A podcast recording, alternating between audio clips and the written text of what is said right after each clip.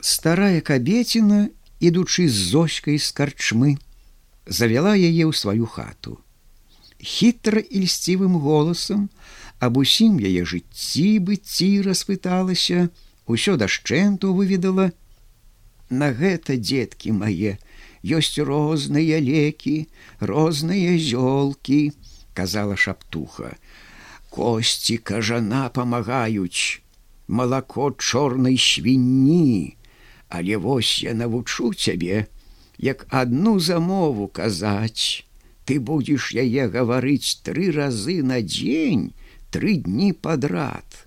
Першы раз перад усходам сонейка, другі раз на заход сонейка, а трэці раз у поўнач, калі першыя пеўні запяюць. Гэта, напэўна, паможа. Зоська лавіла кожнае слово шаптухі, якая гаварыла скрыпучым, шапатлівым і дрыжачым голасам. Старая доўга-доўга шаптала, аж пакуль Зоська навучылася на памяць усю размову гаварыць. Словы замовы чаравалі яе, захоплівалі.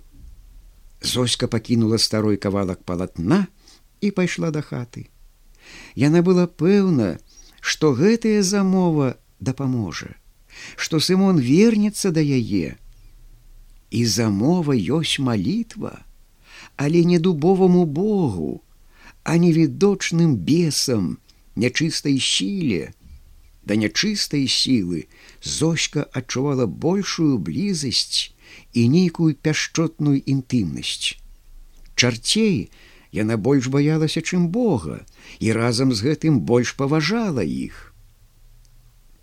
Зочка цэлы дзень знаходзілася ў нейкім невядомым раней новым настроі. Суткі, падзеленыя ёю на тры часткі, ад замовы да замовы, набылі надзвычайныя чары, вялікую сілу, гэтымі шэптамі яна зочка трымае ў сваіх руках цэлыя вёскі, усіх людзей, Яна ведае, што здарыцца, як яно ўсё гэта будзе, але здарыцца нешта такое, ад чаго ёй стане вельмі прыемна і радасна. Яе зацікаўленасць расце з кожнай хвілінай. Не церпіцца дачакацца трэцяга разу замову казаць. Цэлы дзень нічога не есть, а голаду не адчувае.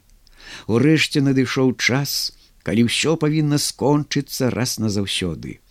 Усё зочкі на гора, усе пакуты яе сэрца.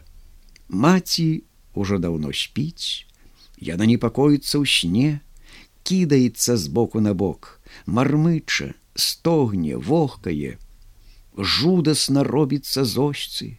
Уся яна дрыжыць ад страху, але вось якраз надышоў час казаць замову ў трэці раз вочы яе злосцю гараць ад затаённай напружанасці.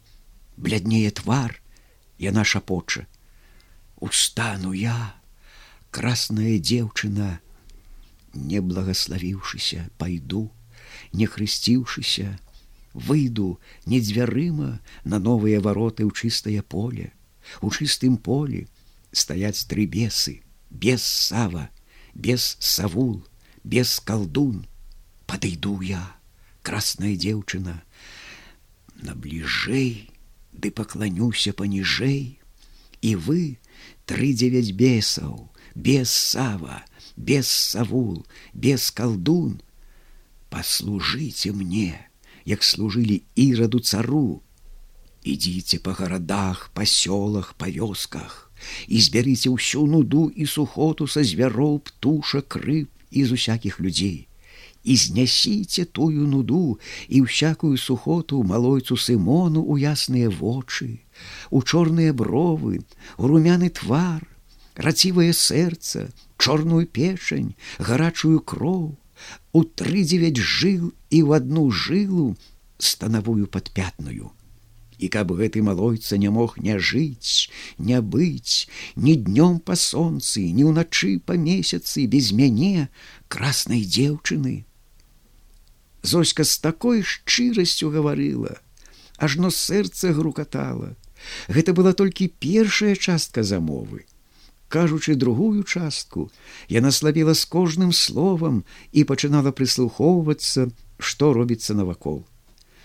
Мо зараз зямля ўздрыганецца, мо свет перавернецца, А яна не хацела, каб дзеля яе людзі невінаватыя цярпелі.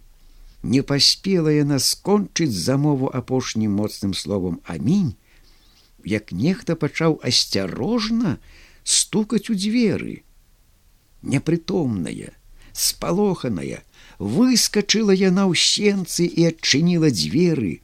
Два галасы зліліся ў адзін. Зоська, сымонка. Пад адсветам зорак яны ўпіліся бліскучымі зрэнкамі адзін у аднаго.